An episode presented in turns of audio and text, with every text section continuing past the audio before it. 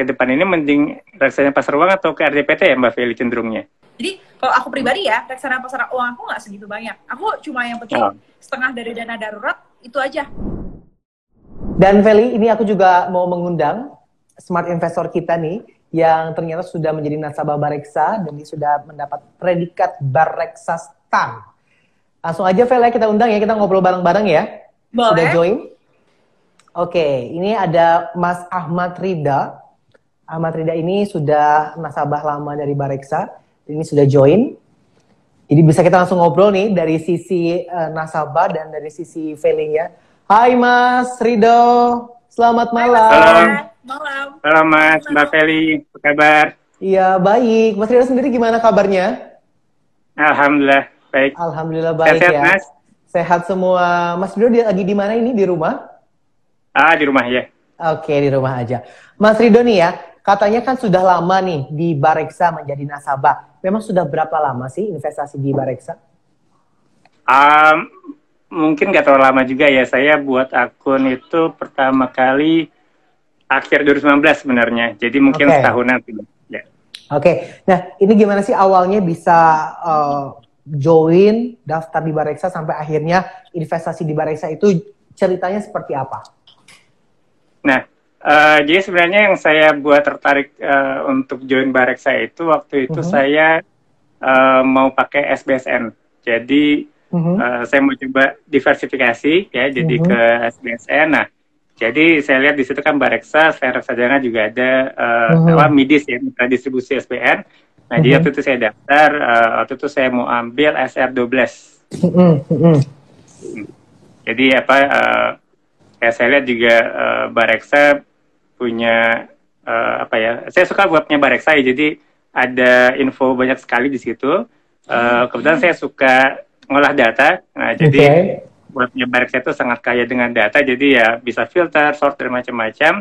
Nah, kemudian eh, setelah saya pakai SPSN, baru kemudian saya beli reksadana di Bareksa seperti itu. Nah, kayaknya udah banyak nih beberapa produk yang uh, Mas Rido ini investasi di kita. Nah, apa aja sih reksadana yang sudah dipilih oleh Mas Rido dan uh, mungkin bisa jelaskan sedikit kenapa akhirnya memilih produk tersebut? Nah, kalau saya terus terang suka bercanda sama teman itu saya eh, kolektor sih mas. Jadi jadi eh, praktis saya punya semua jenis ya, mulai dari apa eh, pasar uang, dari pasar uang, kemudian reksadana pendapatan tetap, kemudian eh, yang saham juga ada dan juga eh, campuran. Oke. itu. Nah, Oke. eh, ya kenapanya ya karena ya prinsipnya kan diversifikasi ya Mas ya Mbak Feli ya. Jadi eh, kita nggak taruh semua aset kita di satu tempat. Eh, kemudian kan kinerja itu beragam. Eh, tadi udah eh, nyimak eh, penjelasan dari Mbak Feli bagus sekali. Jadi eh, kan kadang satu naik satu turun gitu ya. Nah sementara kita punya pasar uang tuh buat inilah bantalan gitu ya backup lah seperti itu Oke, nah tapi uh, Vel ini menarik banget karena Mas Rido ini baru join uh, untuk investasi segala macam di 2019 gitu ya, dan ternyata dia punya beberapa langsung te- tebar semua. Isn't it a good a good way atau a good uh, choice yang yang dipilih untuk untuk uh, kita smart investor? Oke, Kak Karida, aku boleh nanya nggak? Jadi pas kakak Iya. pertama kali beli itu langsung beli pasar uang, pendapatan tetap, saham gitu ya kak ya? Oh, jadi eh, eh, agak sekaligus gitu sih. Jadi gini, mungkin backgroundnya eh, saya pribadi sudah punya eh, DPLK ya. Kan DPLK itu kan seperti pasar uang ya. Nah, jadi artinya eh, ya eh, basis deposito jadi ya prinsipnya seperti eh, RDPU bedanya cuma diambilnya kan nanti belakangan. Nah jadi Hmm. saya eh, nggak terlalu concern ke sana, tapi eh, saya beli awal itu juga ada ya eh, RDPU Eh, karena kan itu yang eh, stabil lah katakanlah seperti itu. Nah jadi kemudian eh, ya saya juga pilih-pilih mana yang apa untuk RDPT. Nah tapi memang yang paling menarik bagi saya sebenarnya adalah yang RDS eh, yang saham seperti itu. Eh, karena memang eh, tadi kan apa dalam konteks portofolio lengkap saya gitu ya. Jadi kan kita nggak cuma lihat di satu eh, barek saja, tapi kalau dalam konteks eh, portofolio aset eh, saya secara besar itu eh, yang saya masih kurang itu di waktu itu adalah di eh, equity di eh, baik saham maupun eh, reksadana saham. Nah jadi eh, makanya saya kemudian eh, paling tertarik itu sebenarnya ke RTS, nah terutama uh, karena saya uh, pengguna reksadana syariah saja, nah jadi uh, nah saya uh, ya awal mungkin uh, kalau tadi kan uh, Mbak Feli mungkin dari riset data dan lain-lain. Nah kalau saya lihat itu juga dan uh, awal tuh saya coba dikit di beberapa tempat. Hmm. Nah jadi uh, apa? Karena saya, saya bilang saya pendekatannya seperti kolektor ya, jadi saya beli berapa pembelian minimal Nah, kemudian saya coba lihat nih perkembangannya uh, dari waktu ke waktu, juga dari historisnya. Nah, dari situ kemudian uh, pola pembelian saya berubah akan geser ke mana yang saya pilih sebagai yang uh, dominan lah, yang yang yang apa menariknya. Tapi yang lain tetap aja untuk untuk pengamatan seperti itu. Iya, iya. Tadi itu menarik sih Kak Rida kayak mm -hmm. uh, bilang Iya, kakak kayak kolektor. ya, aku aku mau bilang kayak sebenarnya kita tuh kan mau jadinya investor ya kan kak, bukan kolektor kan. Tapi aku ngerti lah, maksudnya kadang uh, mana yang lebih bagus ya kita coba gitu kan. Jadi ya. nggak apa-apa juga. Yang paling penting adalah kita mulai gitu kan. Mana yang oke okay, hmm. ya udah nanti nabungnya lebih baik di situ. Kalau aku boleh tahu sekarang Karida sendiri pasar uang ada berapa? Berapa? Berapa okay. reksadana? Pendapatan tetap ada berapa? Saham atau indeks ada berapa gitu kak? Uh, Oke, okay. uh, eh, dari sebaran nilai uh, pasar uang sekitar lima belas persen. Bukan, oh, produknya ya? Iya, bukan sebaran nilai, tapi kayak reksadana pasar uang tuh ada berapa mungkin yang uh, apa fund sama apa fund gitu.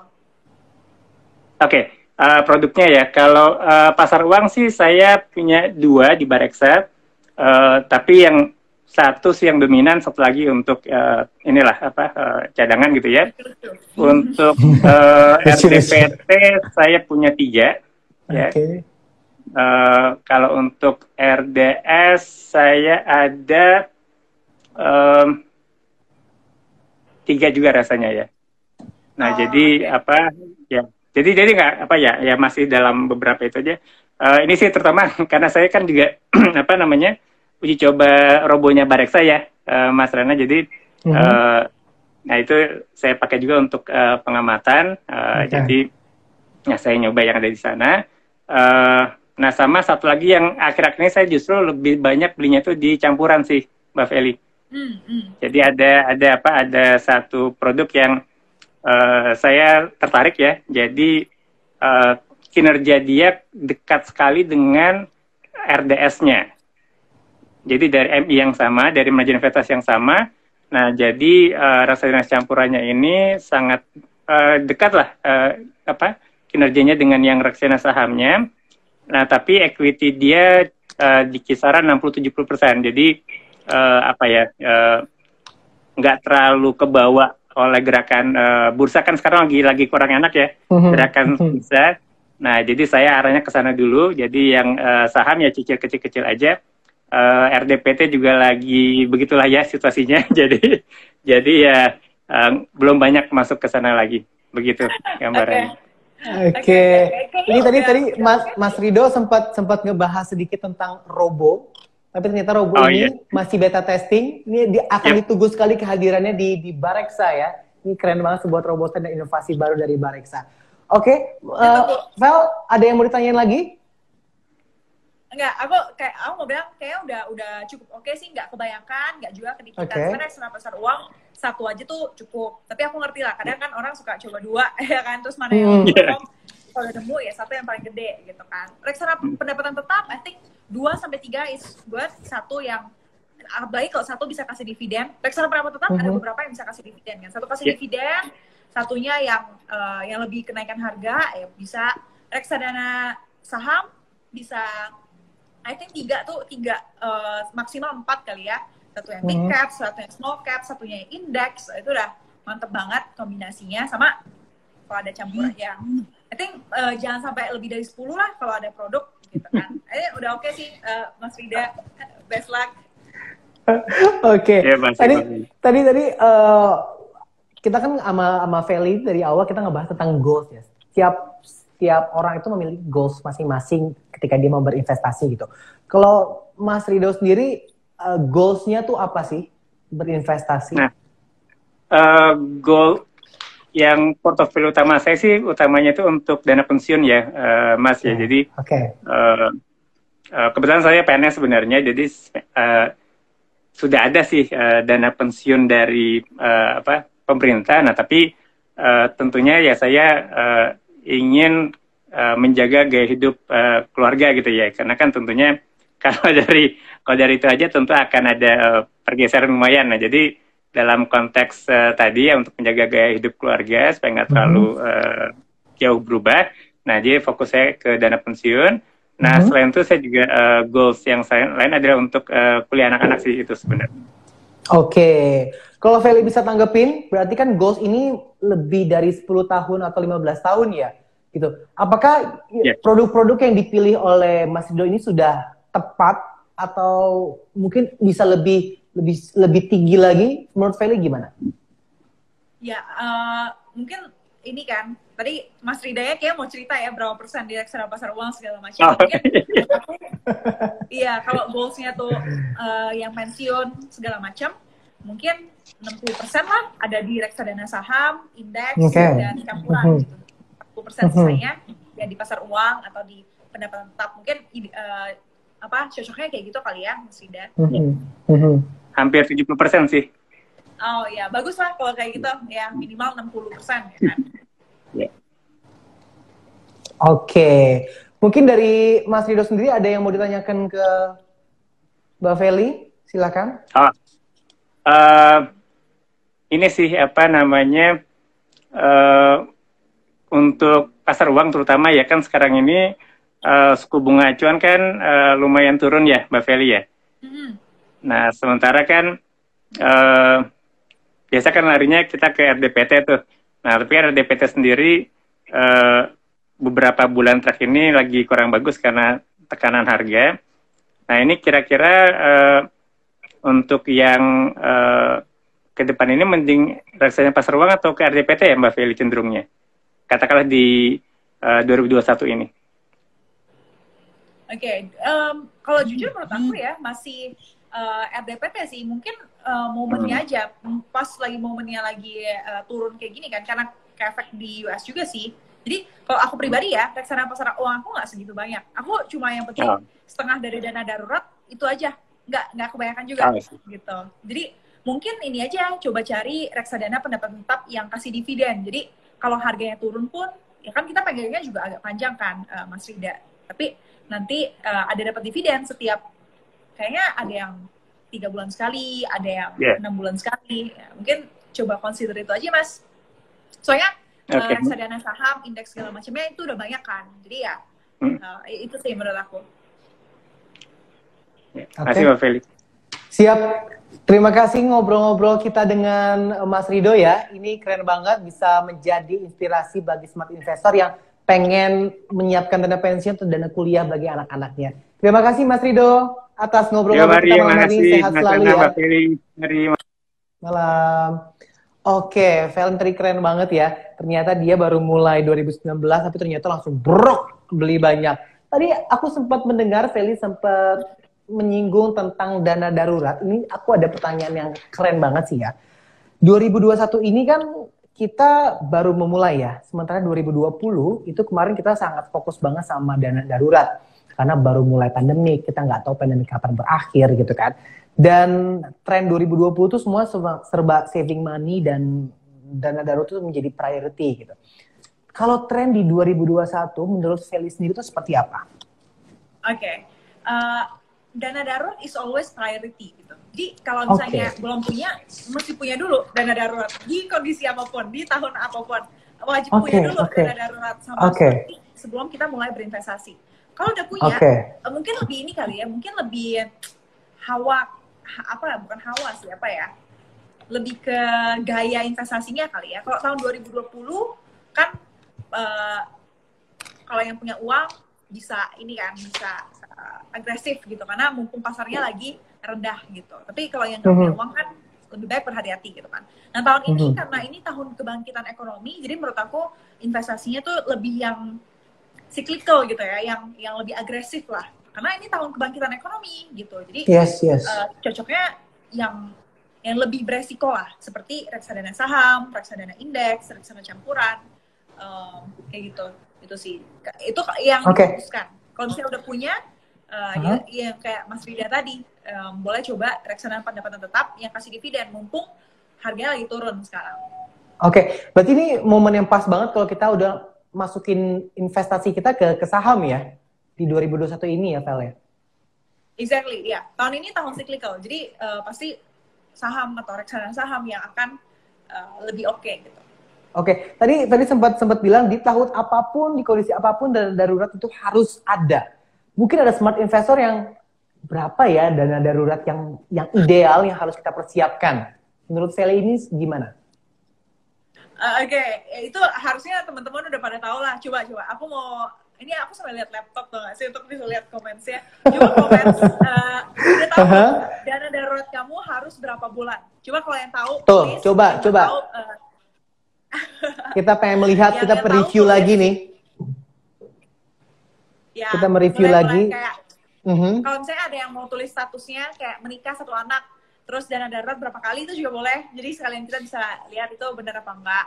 Bisa sekalian bahas ya. Tahu juga. Uh-huh. Iya, kalau kalau nah. yang belum tahu, nah ada yang tulis single enam kali pengeluaran udah benar. Enam kali pengeluaran. Single enam kali pengeluaran, oke. Okay. Ya, ada yang 12 kali, ya mungkin 12 kali kalau dia sudah menikah atau uh, dia single tapi dia uh-huh. uh, kerjanya tuh di bidang yang sangat terdampak dengan pandemi gitu. Contohnya kayak pariwisata uh-huh. misalnya.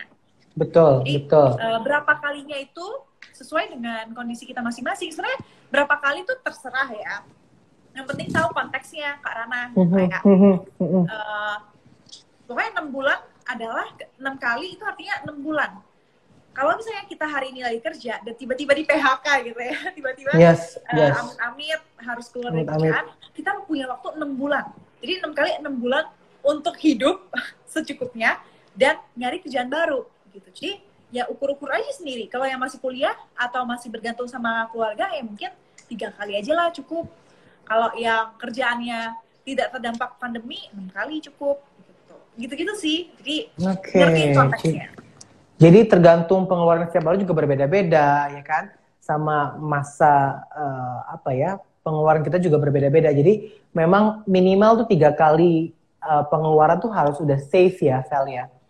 Oke. Okay. Iya. Kita lanjut ke pertanyaan. Ini ada juga pertanyaan dari Irfan Nefrizer. Oke. Okay. Irfan Nefrizer. Pertanyaannya mungkin tadi agak keganti. Iya. Sebentar. Ifran, Ifran. Yes. Apa perlu dilihat dan apa cu acuan? Apa acuan memilih reksadana biar dapat cuan sebesar sebesar besarnya dan secepat cepatnya? Gimana, Vel? To be honest agak males ya jawaban pertanyaan jawab pertanyaan kayak gitu ya. Orang tapi emang orang kayak gitu ya. Maunya instan gitu maunya untuk beli dan di saat itu yang paling cepat. Betul nah, bener banget. Ya kalau kalau mau tanya jawabannya kayak gitu ya pasti reksadana um, indeks eh sorry reksadana saham yang bisa kasih untung yang segede-gedenya dalam waktu yang mungkin lumayan singkat tapi ingat mm-hmm. bahwa yang bisa kasih untung secepat-cepatnya itu juga yang bisa kasih rugi secepat-cepatnya. Jadi fair-fair aja sih orang ya kayak uh, jangan mau untungnya doang, tapi ruginya nggak mau gitu. Fair aja lah sama kayak hidup gitu kan. Gimana cara mm-hmm. carinya reksadana saham yang kayak gitu? Pasti lebih susah, tapi ya harus inilah due diligence lah lihat manajer investasinya, track recordnya kayak gimana. Terus juga uh, gaya investasinya gimana itu mesti lebih dalam sih due diligence yes. ya iyalah orang mau mau untung banyak ya harus uh, effortnya lebih banyak juga. dan dan aku percaya semua itu ada prosesnya. There's nothing instant. Bahkan kita masak mie instan aja tuh butuh masak air dulu gitu kan. Jadi there's nothing instant. Jadi benar aku setuju sama Feli bahwa ya udah maksudnya uh, kita apa-apa serba instan tuh hasilnya juga juga nggak akan nggak akan maksimal. Do the process gitu ya biar semuanya kita bisa menikmati dan bisa belajar dari proses tersebut. Ini keren banget, sebuah pertanyaan closing yang bagus banget uh, bahwa nggak ada yang instan. Jadi buat smart investor harus tetap sabar ya mengikuti sebuah semua proses-proses yang ada. Feli, langsung closing statement. Gimana tips untuk smart investor memilih reksadana yang menghasilkan cuan? Silakan, Fel. Oke. Okay. Um, tips untuk teman-teman yang uh, mau milih reksadana yang menghasilkan cuan adalah yang penting satu tahun lalu aku dari selalu bilang yang penting mulai dulu karena kita nggak bakal tahu uh, dan kita nggak akan ngerti pasti bingung-bingung apaan ya ini ya milih yang mana ya kalau kita nggak mulai makanya kenalan dulu aja uh, mm-hmm. nabung apa nabung investasi dikit dulu aja biar mm-hmm. kenalan gitu biar kita tahu cocok apa enggak ya kan itu udah okay. tahun lalu tuh cerita tahun lalu mm-hmm. tahun ini setelah mm-hmm. kita udah kenalan uh, waktunya kita untuk belajar lebih dalam gitu. Yes. belajar lebih dalam cari tahu tujuan kamu apa. Ngerti kalau investasi itu sebenarnya cuma kendaraan. Yang paling penting tuh tujuannya. Jadi pilih investasi sesuai dengan tujuannya. Oke okay? jangan cari itu udah udah benar tuh dari Kak Rana tadi. Investasi yang paling cocok bukan yang paling baik. Cari yang paling cocok uh, kalau reksadana ingat kita tuh percayain uang kita ke orang lain ke manajer investasi ke yang profesional. Jadi pilih dulu orang yang mau kita percayai ini pilih dari aset uh, ya apa aset under managementnya lah dana kelolaannya. Dan lihat track recordnya dalam jangka pendek dan jangka panjang. Jadi uh, ya itu aja sih. Semoga lumayan membantu ya sharing. Ini ini malam ini sangat sangat keren banget ya karena kita banyak sekali informasi yang didapat dari Feli bahwa tadi aku paling suka adalah kita jangan lihat returnnya, tapi kita ngelihat manajer investasinya karena semakin terpercaya atau semakin banyak dia mengumpulkannya, berarti dia semakin banyak orang yang percaya sama sama dia, bukan dari return. Karena return itu masa lalu, sama kayak mantan ya. Mantan itu masa lalu, tapi jodoh itu masa depan. Jadi persiapkan jodohmu ke depan. Feli, terima kasih banyak. Sehat-sehat selalu dan selalu bahagia dan tetap salam cuan ya Feli ya. Bye-bye Feli, terima kasih. Yes, itu tadi kita ngobrol bareng sama Felicia. There's nothing instant ya teman-teman smart investor. Bahwa kita semua butuh proses. Yang penting pengenalan dulu, kita belajar dulu. Eh, nggak uh, perlu harus langsung buru-buru pengen cuan besar. Tapi dengan kita mengumpulkan sedikit demi sedikit, lama-lama menjadi bukit. Oke, nanti kalau saya kelamaan lagi banyak pantun jadi ceritanya ya malam ini ya. Oke, terima kasih untuk seluruh smart investor yang sudah bergabung. Salam sehat, salam cuan. Saya Rana Raindra pamit. Sampai jumpa di Investream Bareksa selanjutnya. Bye-bye.